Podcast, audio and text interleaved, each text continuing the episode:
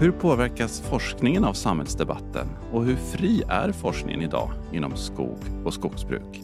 Det är frågor vi ska diskutera i detta första avsnitt av podden Den digitala skogen. Varmt välkomna! Den här podden är en del av forskningsprogrammet Mistra Digital Forest. Jag heter Sverker Danielsson och är programchef för programmet och eh, det är ett forskningsprogram inom digitalisering för, i skogsbruket och det finns mycket att läsa om oss på mistradigitalforest.se om man är intresserad. Och just idag så har jag förmånen att prata med tre viktiga personer för programmet. Det är dels Charlotte Bengtsson, VD på Skogforsk och ledamot i programmets industriella råd. Välkommen! Tack!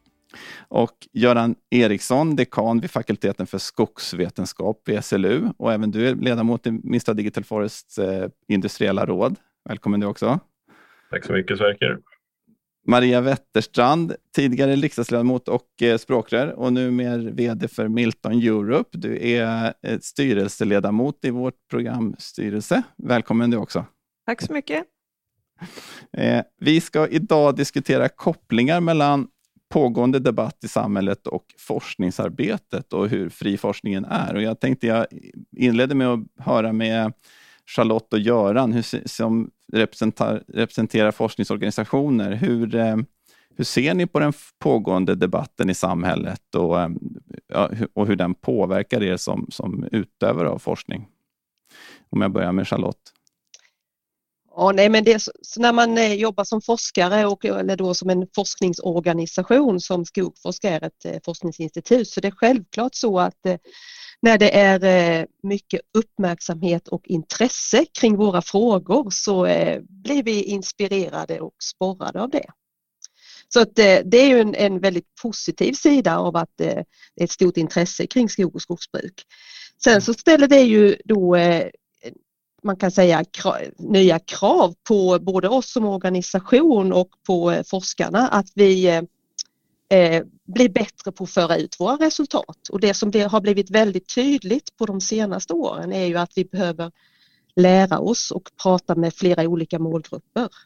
Vi har ju som vana med att prata med andra forskare eh, men vi behöver ju prata med eh, Eh, skogsföretag, vi behöver prata med skogs, mindre skogsägare, vi behöver prata med de som arbetar i skogsbruket, eh, entreprenörer, maskinförare, men vi behöver också bli bättre på att eh, föra ut våra resultat till beslutsfattare.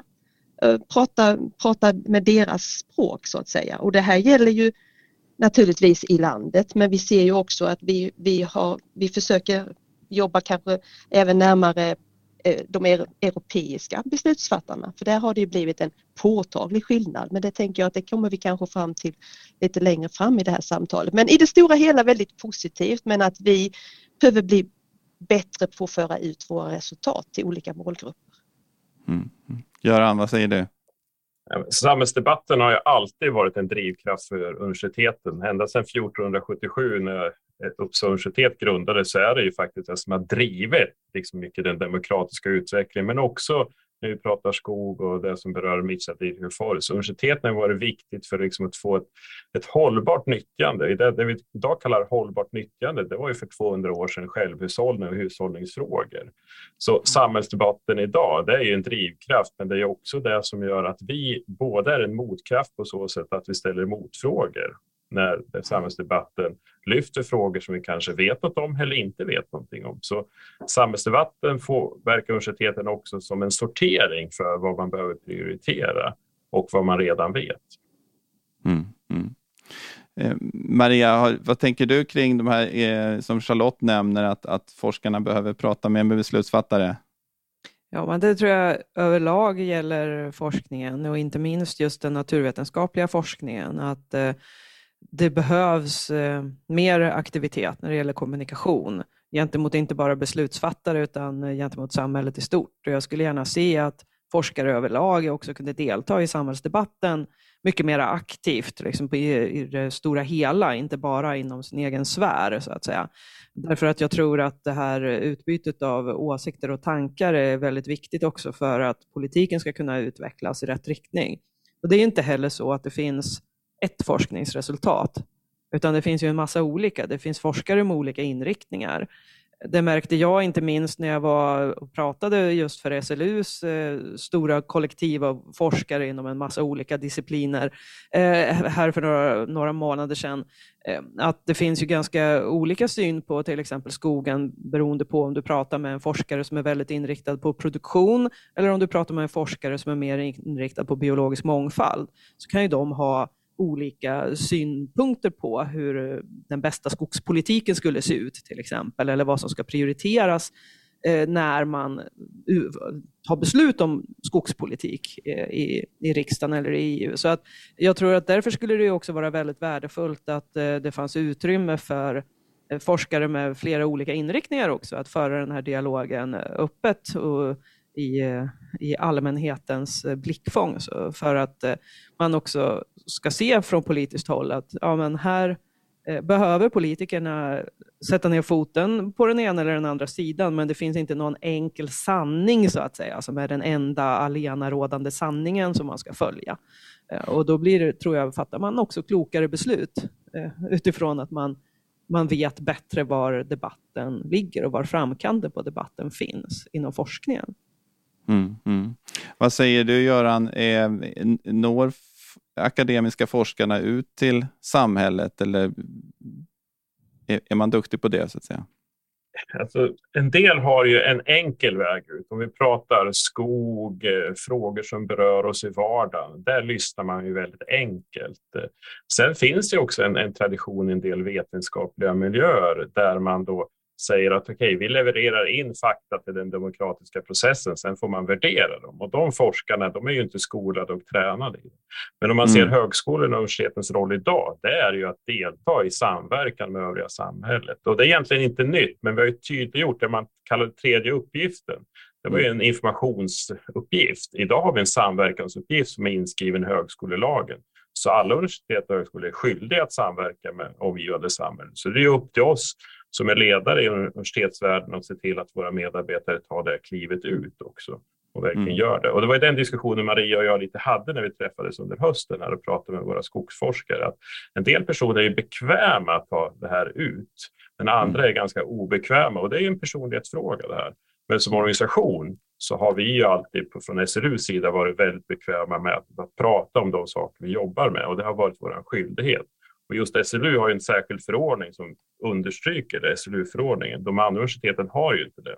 Så vi har ett särskilt ansvar när det kommer till skog och andra frågor och faktiskt ta klivet ut och vara del av debatten.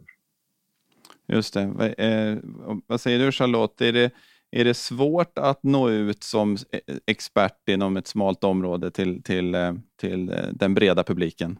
Alltså det beror ju väldigt mycket på. Eh, Eh, för, jag, menar, jag, jag, tänk, jag skulle vilja säga så här, alltså de frågeställningar som vi jobbar med de är ju ofta väldigt komplexa. Mm. Eh, så det, att komma ut med, om, om, om det finns ett enkelt, liksom, klart resultat så är det ju ganska lätt att det plockas upp och man kan liksom få genomslag.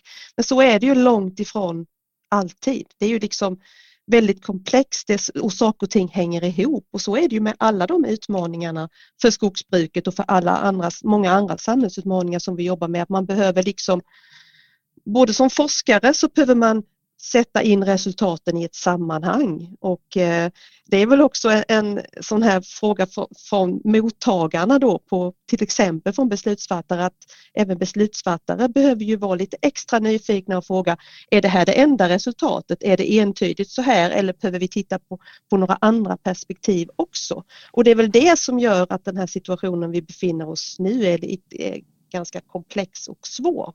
Det är svårt för en enskild forskare liksom att, att leverera ett komplett bra eh, beslutsunderlag utan man behöver vara flera.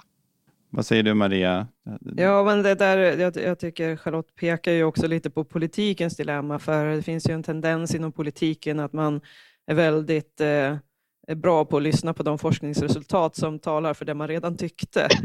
Så man tar till sig en del av forskningen och eh, sen tar någon, an, någon annan politisk eh, aktör den andra delen av forskningen och så står man och slår varandra i huvudet med forskningsresultat. Och det måste ju vara ganska frustrerande som forskare att se eh, den typen av diskussioner. Så där håller jag verkligen med om att även politiken behöver bli bättre på att, att ta till sig eh, att det finns eh, kanske flera olika forskningsresultat som man behöver titta på. Och man kan ju erkänna det, men sen att man ändå väljer att ta ställning för den ena eller den andra sidan. Man erkänner, ja visst, det finns forskning som, som pekar på det här och det här och det här, eh, men utifrån den ideologi som mitt parti står för så landar vi i att det här är den bästa politiska riktningen att ta. Och vi prioriterar, liksom, eh, om det nu är biologisk mångfald eller man kanske prioriterar produktion för man tänker att om vi får mer eh, produkter ifrån skogsbruket så kan vi ersätta eh, plast från fossila bränslen och så vidare. Så att man, man liksom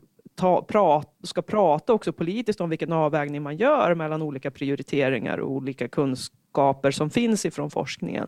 Eh, men, och, och, lyckas man göra det, då får man liksom en högre nivå på samhällsdebatten överhuvudtaget och jag tror att då får också människor i allmänhet ett större förtroende för, för både politiken och forskningen. Och jag tror att man får också en, en mer eh, begåvade, liksom, eh, vad ska man säga, allmänheten blir klokare helt enkelt för, för att eh, man för debatten på en lite högre nivå. Men sen har vi ju alla då det gemensamma problemet att vi har ju ett eh, filter mellan den som vill kommunicera och mottagaren och det är ju ganska ofta journalister och media däremellan. Och mm. vi är väl alla delskyldiga till att klickvänliga rubriker har en preferens i journalistkåren. För vi mm. klickar ju också, antar jag, mm. alla. Mm. Ja.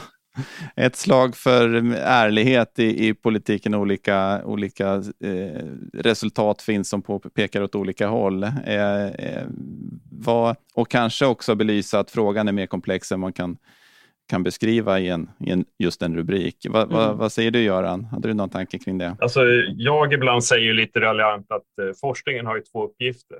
Bekräfta vad vi redan vet eller cementera fördomar, lite det Maria är inne på, om man ska förenkla det. Men alltså, jag skulle vilja göra en brygga till den fria forskningen här, eh, mm. Sverker. För Mm. Det vi är inne på nu, har vi en fri och oberoende forskning som vi har nu, eh, då kommer vi inte bara att cementera fördomar och bekräfta vad folk redan vet.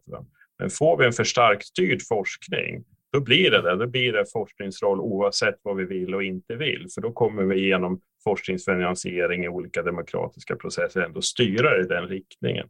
Och här finns en del att lära av historien under de perioder man har i många länder gått in och styrt den fria forskningen för att gynna den behovsinriktade forskningen. Det har gjort att den behovsinriktade forskningen har ju gått i kvav, för man har inte fått någonting underifrån, ingenting som utvecklar det här. Eh, så det, det intressanta här, det är ju att Thatcher och Reagan såg ju det i sina satsningar väldigt tidigt, att när man stryper den fria forskningen för att gynna nyttan i samhället, då går nyttan ner med forskningen. Mm. Och det är lite det som är, om vi har en styrd forskning, ja då kommer vi undvika vissa områden. Har vi en öppen forskning, då kommer vi aldrig att undvika de känsliga områdena, för då finns det ett oberoende på universitetsnivå. Mm. Mm. Och jag tror att där behöver man ju också prata om vad är det vi menar då med den fria forskningen. För vi har ju alltid i Sverige, när det gäller de statliga anslagen till forskning, så pekar man ju ut områden åtminstone Eh, där man vill spendera de här forskningsmedlen. Eh, och eh, ibland är de snäva, ibland är de breda och jag tillhör absolut de som tycker att man ska ha, ha breda frågeställningar och lämna mycket fritt till, till forskningen själv och bedöma vad som är de viktigaste frågorna inom det fältet att göra forskning kring. Men sen har man ju också forskning som finansieras från privata aktörer och inte minst inom skog och jordbruk till exempel, som SLU jobbar med, så finns det ju mycket också eh, pengar som satsas ifrån industrin. Och de är ju också styrda till, till vissa områden. Och eh, ibland sker forskning i väldigt nära dialog med industrin, där industrin också kan ha synpunkter på hur man lägger upp för att de vill påverka forskningsresultaten.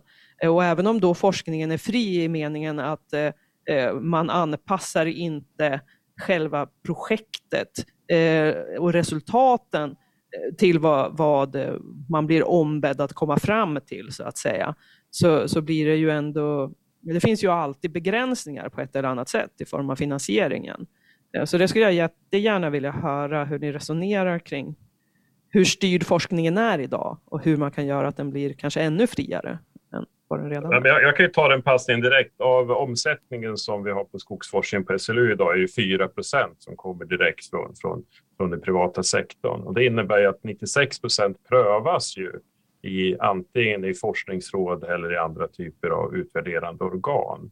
Eh, så det ger ju mig en trygghet. Eh, så jag har ju en väldigt liten så att säga, påverkan utifrån. Så en forskare har ju framför allt medel som kommer från allmänna eller ifrån, från stiftelser som är, är oberoende.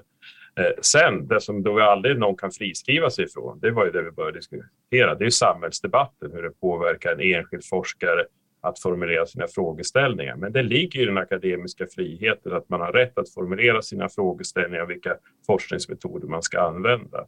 Och där går den absolut röda gränsen för, för universitetsvärlden helt enkelt. Och, och samma sak på institutssidan. Då. Så det som jag då upplever är att många tror att huvuddelen av våra medel när vi jobbar inom SLU eller inom branschfrågor, om man får kalla det, kommer ifrån branschen direkt. Men det gör det inte, utan den kommer ju från statliga medel där det finns en mer politisk styrning än vad det finns en, en styrning från företagssidan. Så 96 kontra 4 tycker jag talar ganska tydligt språk för mig. Mm. I vårt fall så är det ju eh, på ett lite annat vis. Vi är ju ett eh, forskningsinstitut med finansiering mm. både från staten och från näringen. Eh, och eh, vi, vi jobbar ju utifrån en, en, strategi där vi har prioriterade områden. Och där säger ju eh, både näringen, skogsbruket, att man, man, man, man bestämmer sig då för att de här områdena är så viktiga så där behöver vi jobba tillsammans för att lösa svåra problem. Och då svarar staten upp och säger att eh, det är, ju, då, det är liksom en garant för att det här är relevanta, viktiga frågor och då vill staten också vara med och, och, och, eh, och, och finansiera.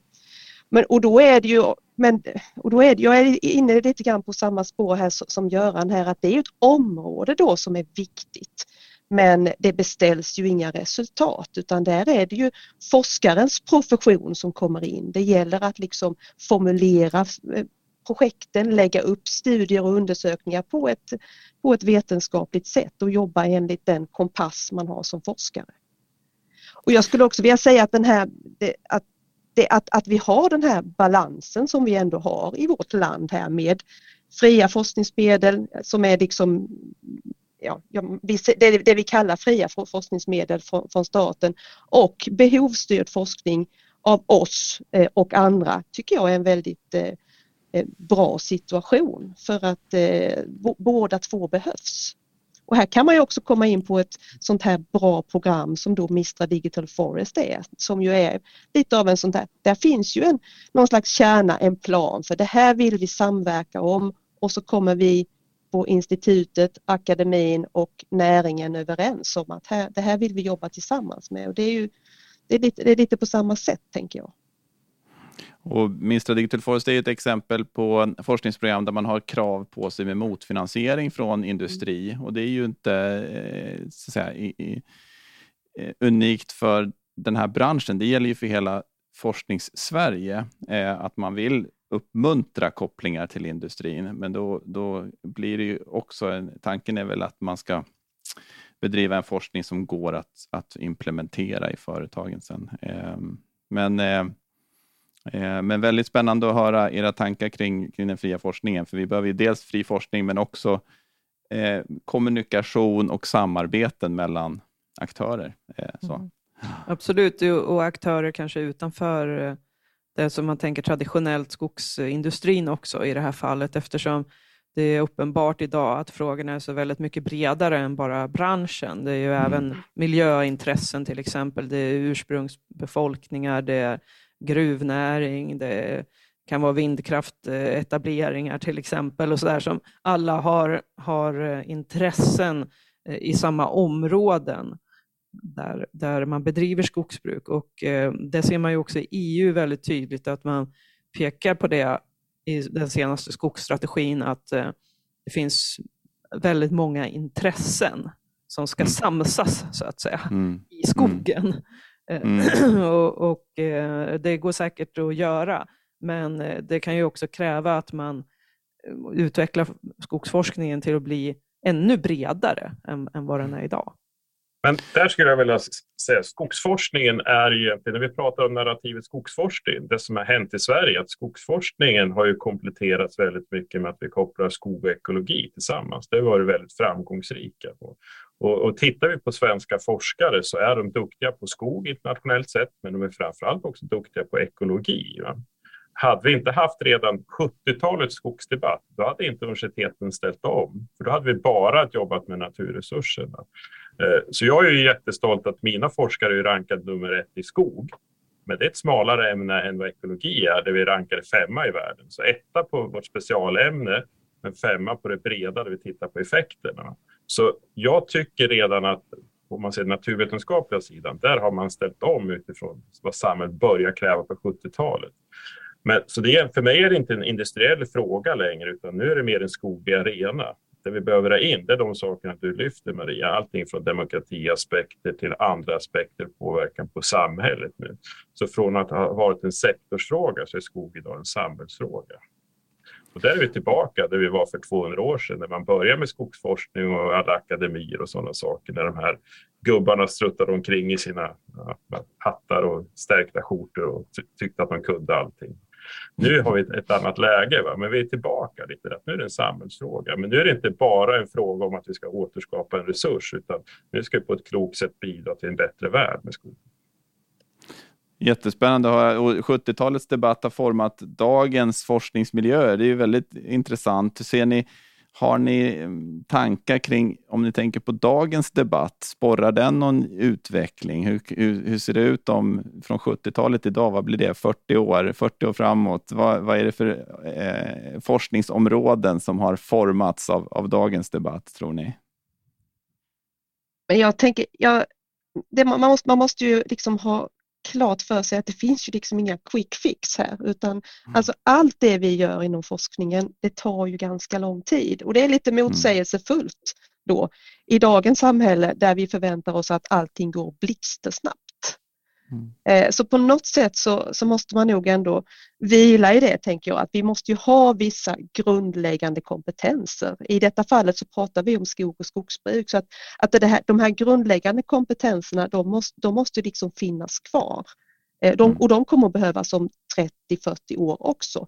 Men så tror jag det är viktigt, det, som, det man måste lägga till och som, som är lite nytt då tror jag, det är ju ändå att man måste vara öppen för eh, allt det andra som sker. Eh, Maria radade upp här att vi har gruvor och vindkraft och vi har ursprungsbefolkningar och, och alltså man måste på något sätt hitta, hitta de här smarta samarbetena. Eh, men jag tror man får inte tappa det här att man måste ha en väldigt långsiktigt bra grundkompetens. Det kommer att behövas även framåt. Mm. Hur ser ni med, med tanke på kopplingen mellan forskning och eh, övriga samhället och beslutsfattare? Hur, hur kan forskningen eh, vara där och, och styra debatten eh, till att bli mera, eh, inte så onyanserad som idag kanske, utan gör, visa på mera komplexa frågeställningar som, som krävs för att bemöta de svåra frågor som, som det handlar om. Har ni några idéer kring det? Ja, Eh, jag, jag, har tänkt en del på, på det därför att jag tror att um, menar, det, det, vi har länge pratat om överhuvudtaget med universiteten och forskningen att man måste komma ur sina silos och eh, jobba mer tvärvetenskapligt och, och så vidare. Och eh, det har vi väl kommit en liten bit på väg med. Men eh, fortfarande så finns det nog mycket man kan göra med att eh, säga, korsbefrukta olika forskningsområden inom olika discipliner så att man blir både klokare och, och, och, mer relevant så att säga. Men jag tror att i det här fallet så, så handlar det ju just om att man behöver titta på frågeställningar som Eh, klimatfrågan är ju superviktig nu under de närmaste decennierna och det vet vi alla. Och där har man någon slags eh, konflikt som pågår mellan de som tycker att ja, men det bästa är nog ändå bara låta skogen stå och så eh, blir det någon slags kol inbundet då i biomassan som skyddar oss från en del av klimatförändringarna medan andra menar att ju hårdare skogsbruk vi bedriver desto lättare kan vi ersätta fossil, eh, fossila bränslen. Det är liksom två man eh, drar ut extremerna där, eh, så har man de två som står emot varandra. Där tror jag så här, den frågan behöver man ju från forskningen bidra med kunskap kring eh, på, från en massa olika perspektiv eh, och ta in he, hela det här spektrat av, av tankar eh, och reda ut vad det egentligen är som är eh, optimalt sätt att använda biomassor ur ett klimatperspektiv. Och sen så får man ju då lägga till alla de här andra perspektiven och intressena som finns i skogen också eh, för att det här, man ska få det här nyanserat. Och då behöver man få in kunskap från jättemånga olika eh, discipliner i forskningen. Jag skulle tycka det var oerhört intressant om man kunde dra igång ett, låt oss säga ett 25-årsprojekt, liksom, om man nu tänker forskning tar lång tid, eh, där, där man kan verkligen gå in i de här frågorna. Och är det något land i världen som kan göra det och bidra med det här så är det väl Sverige, tänker jag. Vi kan ju ta hjälp av våra grannar i Finland. De är också, ja, också... Vi drog igång ett hundraårigt projekt 1923. Ja. Riksskogstaxeringen. Och det var ju för att hålla koll. Hade vi inte gjort det, då hade vi haft ganska stora problem att förstå hur de förändringar mm. vi ser idag alltså, går i rätt riktning. Då. Och det är därför det också finns en debatt på europeisk nivå. Men det var inte det jag tänkte säga. Utan det intressanta är, om vi går tillbaka till 1970-talet, då var det ju mycket systemtänkande, ekologi, lång, långa försök. Samhället vågade satsa långsiktigt och ge frihet till universiteten. Sen har vi gått ner egentligen från ja, 90-talet och framåt där vi går ner och jobbar på treårsmandat hela tiden från, från, från, från framförallt politiskt styrda forskningsråd, för de får ett, ett, ett mandat från, från politiken. Då. Och då har det ju blivit att man tänker i treårscykler. Då. Eh, MISTRA-program har ju varit en, ett avsteg från det, där man har haft långsiktighet och man jobbar kanske flera faser. Energimyndigheten och andra har också jobbat lite så här. Men om vi tänker generellt vad som då har styrt forskningen, det kanske inte är det politiska innehållet i forskningen utan det är den här, att vi jobbar normalt på treårscykler i våra forskningsuppdrag. Då. Så här, Maria, tror jag vi har någonting vi måste göra. Men Sverige ligger tillsammans med många nordiska länder bra till. Vi vet vad som händer om vi satsar långsiktigt. Då. Hade vi inte satsat på Naturvårdsverket 1967 som första land i världen, då har vi inte haft de här långliggande dataserierna kring luft, vatten och en mängd andra saker. Så långsiktigheten gör ju att Sverige kan gå före men också svara på frågor kring miljöpåverkan och klimatförändring. Så jag vill verkligen slå ett slag för att man måste våga vara djärv som politiker och våga lämna över lite långsiktigt till fria institutioner som mm. universitet. Mm. Vi gjorde ju ett, ett ganska långsiktigt projekt också med det här med eh, att kartlägga Sveriges eh, flora och fauna.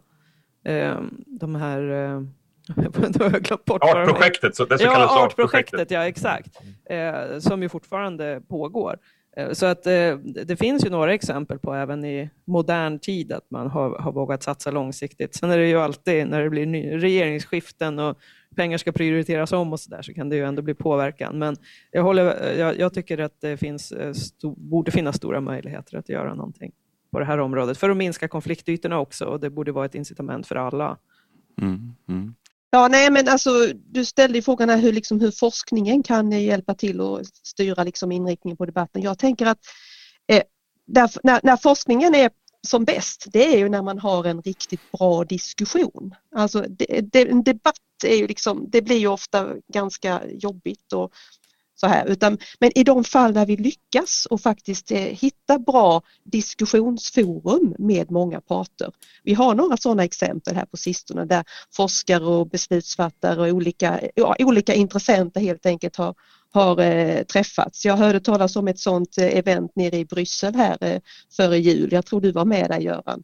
Mm. Eh, också, som, som var eh, där det verkligen blev en bra diskussion. Eh, och eh, då känner ju de forskare som är där också att ja men då kan man verkligen göra, göra nytta om man känner sig bekväm. Så att kan vi hitta flera sådana arenor och då tror jag också att Mistra Digital Forest det är ju en sån eh, arena där vi har jättefina resultat eh, vi, som många är intresserade av. Som kan vara liksom den typen av arena där många kan mötas och diskutera. För en sak är ju ändå, eh, på tal om att saker och ting går snabbt, eh, jag menar det, som forskare så måste man ju också vara öppen för allt det där nya, ny teknik, digitalisering och det ser vi ju i det här forskningsprogrammet att eh, när vi kommer samman så händer det väldigt spännande saker och det går ganska fort. Så det är också en sån där nyckel tror jag om vi ska lösa de här svåra frågorna. Att våga vara open-minded och, och, ta in ny teknik till exempel. Även om det är lite skrämmande från i, i början. Men det är principiellt viktigt för mig sak att jag tycker inte forskning ska styra debatten, men forskning ska vara en del av debatten och tillgänglig i debatten, det som Maria inledde med lite tidigare. Va? Och det innebär att genom att vi öppna, presenterar och deltar, ja, då får ju det demokratiska samhället plocka upp det som behövs för debatten. Va? Men jag tror ingen vill ha ett expertsamhälle där vi går in och styr debatten. Eh, det tror jag ingen vill hamna i. Vad säger du Maria? Ja, nej, men det, det, finns det ju folk som vill, men det vill ju inte jag. Absolut. Jag tror, jag tror definitivt att det är så att eh, men, som politiker så får man ju ofta höra så här, ja men ni måste lyssna på forskningen. Och då brukar jag ställa en motfråga, ja vilken del av forskningen är det du tycker att vi ska lyssna på? Därför att eh, eh det det handlar om i politik, det är ju i hög grad att man tar in kunskap om hur saker förhåller sig eh, så brett som möjligt. Och sen filtrerar man det genom sin ideologiska grundsyn och eh, omvandlar det till politiska prioriteringar. Och då har ju folk röstat på partier utifrån de här ideologiska inriktningarna och förhoppningsvis så blir då slutresultatet någonting som speglar befolkningens prioriteringar i just det här läget. Det är så liksom demokrati tänkt att funka. Eh, och, och, förhoppningsvis så är det väl så då att den samhällsdebatt som pågår den speglar de stora utmaningarna som samhället står inför just för tillfället. Och de förändras ju lite grann över tid och det kan ske ganska plötsliga förändringar. Eh, till exempel nu när vi har den här energikrisen i Europa som eh, eh en effekt av Rysslands invasion av Ukraina så får man kanske andra politiska prioriteringar än vad man hade innan och då hamnar samhällsdebatten också på ett annat ställe. Eh, och allt det där liksom påverkar ju varandra och precis som, som Göran säger så forskningen behöver ju vara tillgänglig då eh, när man vill veta eh, hur, hur saker ligger till utifrån forskarnas perspektiv. Jag vet inte, jag tänker lite att eh, en del forskare kan bli lite stressade av det eftersom, eh, som Charlotte mycket riktigt påpekar, forskning är ju väldigt långsiktiga processer och eh, eh, också ganska komplexa resultat ofta. Och sen så blir man indragen i en samhällsdebatt där politiker vill ha svar idag på hur det ligger till. Och, och det, det är nog inte alltid jättelätt alltid att respondera på, på de behoven, kan jag föreställa mm. mig. Mm. Olika perspektiv. Vad, eh, eh, vi pratar om konfliktytor i Sverige och att man borde kanske eh, grotta lite mer i frågan hur skog ska brukas. Om den, vad, vad, finns det för fördelar med dagens skogsbruk och hur det ska utvecklas? Man tänker på att Sverige är i en bra position och så nämnde ni. Eh, men skogsbruk bedrivs på många andra sätt i andra länder. Särskilt inom EU är det en stor spridd. Hur ser ni på både forskningen i, i andra länder i, i, Europa med tanke på den och den debatt som pågår i EU. Hur, eh, hur, hur eh, ja, applicerar vi den diskussionen som vi har här med, med EU-perspektiv? Jag vet inte vem som ska börja av oss här. Men... Den som vill. Ja. Maria kan börja får du fylla på, eller Charlotte. Ja. Jag skulle bara vilja säga eh, så här att det är fascinerande när man går in och tittar på det. Om vi pratar långa tidsserier, 100 eller 200 år, det är ju det vi jobbar med. Både vad det gäller institutioner, eh, forskning och data. Eh, mycket det vi då har att jämföra med, det startade på 90-talet när man började intressera sig på europeisk nivå, runt 93 eller någonting, gemensam skogsdiskussion kan man säga. Så vi är egentligen två tidsskalor när vi rör oss här. Vi rör oss egentligen på 200-årsnivån här, för det var då vi började med våra akademier. 100-årsnivån, det var då vi började ha koll på skogen och naturresurserna. Men det är länder då som max har egentligen jobbat systematiskt kanske 25 år. En del har jobbat mycket kortare tid med de här frågorna. Men sen finns det forskningsmiljöer här, men de har inte haft den här institutionella backup som vi har haft med forskningsinstitut, universitet, myndigheter som har jobbat med de här frågorna. Så vårt samhälle har ett otroligt kunskapsminne och en infrastruktur som de saknar. Mm. Mm. Maria? Jag tror att eh, det är viktigt att eh, man i Sverige förstår den europeiska diskussionen om skogen. Jag tror att det, det finns en tendens att svenska aktörer tänker att de är bara korkade där nere i Bryssel vi kan åka dit och berätta för dem hur det ligger till och sen kommer de att ändra sig. Men jag skulle vilja påstå att det är inte riktigt så enkelt, utan det, det finns naturligtvis eh, olika forskningsbaserade ställningstaganden även inom EU, eh, men, men där man kanske ändå har landat i liksom andra prioriteringar än vad vi gjort i Sverige. Och bland annat så finns det ju i EU en tendens till att man vill att, att skogen ska vara mer av en kolsänka än vad vi kanske i Sverige skulle ha, ha valt. Eh, och det baserar sig ju på påtryckningar från miljöorganisationer som är oerhört oroliga över det akuta läget med klimatet och menar att i det här liksom korta perspektivet så behöver vi också jobba med skogen som kolsänka. Och sen så finns det också en oro för att man inte använder skogens, eh, den biomassa man tar ut ifrån skogen på ett optimalt sätt. Och den oron tycker jag att vi, vi behöver diskutera mycket mer även i Sverige. Eh, är det till exempel vettigt att använda eh, skogsråvara till bioenergi och i så fall vilken typ av skogsråvara är lämplig för att använda för bioenergi? Eh, finns det ett slöseri med skogens resurser när vi använder så mycket engångsförpackningar eller engångsartiklar till exempel som ju EU har varit inne och försökt reglera, vilket många inom den producerande industrin kopplat till skogsnäringen då är oroliga över att det slår undan benen för deras eh, produkter som de har utvecklat som ändå är miljöbättre än många andra. Och så där. Så att det är ju inte så att de bara är helt eh, ute och cyklar på EU-nivå, utan det finns ju mycket av de diskussioner som pågår i Bryssel som vi mycket väl skulle kunna ha i Sverige också. Det skulle bidra, vi skulle kunna bidra då till debatten på ett mycket bättre sätt än att vi bara tror att det handlar om att vi ska komma dit och berätta för dem hur det ligger till. Just det. Ja, det är väl mitt eh, inspel till att börja med i det där frågan. Charlotte, vad säger Nej. du? Ja, nej, men jag tycker det är bra. Alltså, det, jag brukar också ofta, eller vi här på Skogfors, vi brukar också ofta tänka i de här liksom, tidsperspektiven som, som, eh, som Göran gav uttryck för här. Att det är liksom, eh, det går, det går det, det, det, är liksom inte så lätt. Men jag, jag tänker också kring eh, det här att det, det, ser ju faktiskt väldigt olika ut. Och då, då behöver man ju faktiskt inte ens gå ut i Europa. Vi är ju också ett avlångt land. Alltså, mm. vi, har ju inte, vi jobbar ju inte på ett sätt i södra Sverige och exakt likadant uppe i norra Sverige. Och jag saknar liksom de här perspektiven. Eh, och, det som, och det är klart att vi har, ska ha olika skogsbruk, vi har ju olika förutsättningar. Mm. Eh, och mm. Eh, där tror jag också att den här digitala utvecklingen kommer att vara till väldigt stor hjälp där vi liksom nu faktiskt kan få, få bra underlag så vi kan göra rätt på varje plats. Och det kan ju låta lite floskelaktigt att det, nu gör vi allting digitalt och så vet vi precis hur allt ska vara. Men, men vi har ju helt andra förutsättningar eh, att jobba mm. på ett sätt i en viss del av landet, i en viss del av Europa och eh, få ut bästa möj möjliga eh, utfall. Mm. Och då pratar jag både om produktion och andra värden eh, som är viktiga.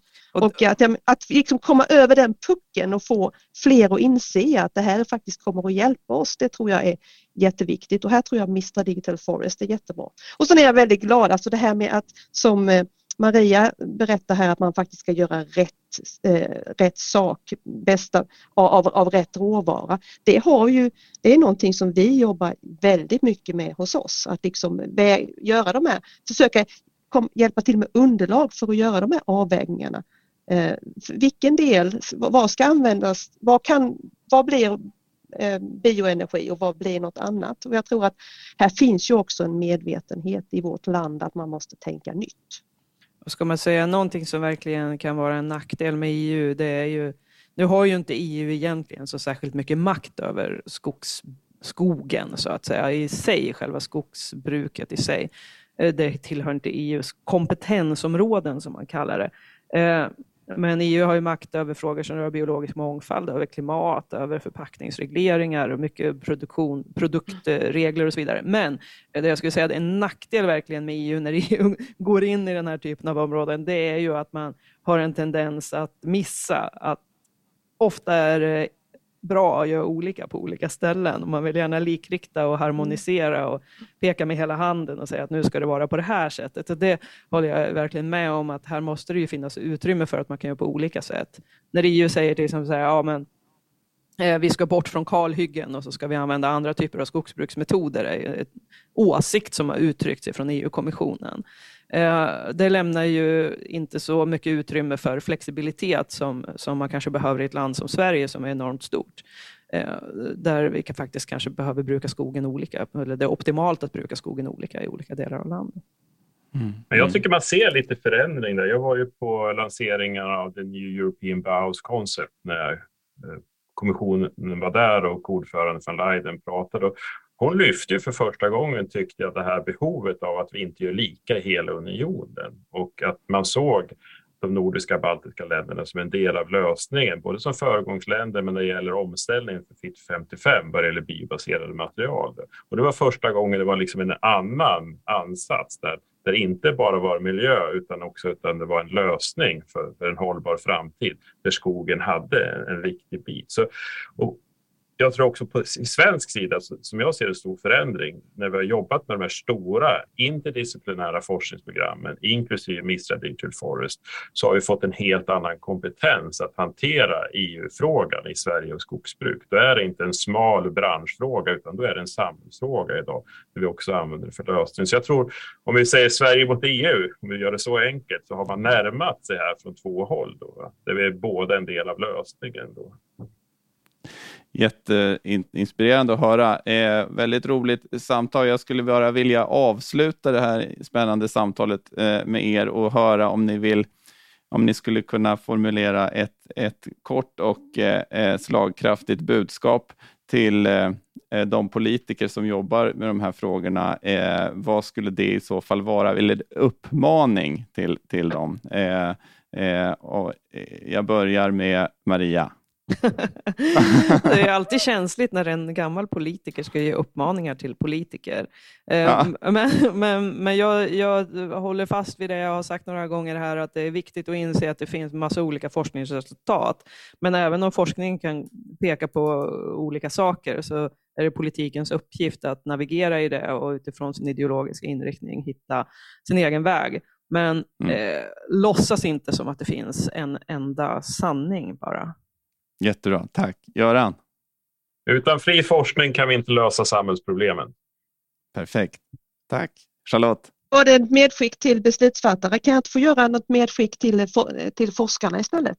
Ja, jag, jag, jag, jag är snäll idag. Du får det. Okej. Okay. Nej, men då tänker jag så här att som vi som jobbar med forskning dagligdags och eh, så här, att ja, en uppmaning till oss och även till enskilda forskare är ju att tycker jag att vi ska se den här skogliga diskussionen som en möjlighet. Alltså att det, det är faktiskt en möjlighet att komma ut och berätta om våra re, intressanta resultat eh, och liksom ta den chansen. Det för mm. ju mm. eh, samhällsutvecklingen framåt. Mm. Vi måste alla hjälpas åt från varsitt håll att driva på utvecklingen mot en mer hållbar samhälle och en mer hållbar värld. Eh, stort tack för ert engagemang och, deltagande i den här podden. Det var väldigt roligt att, höra era tankar. Eh, jag önskar er en fortsatt trevlig dag. Tack. Tack så mycket.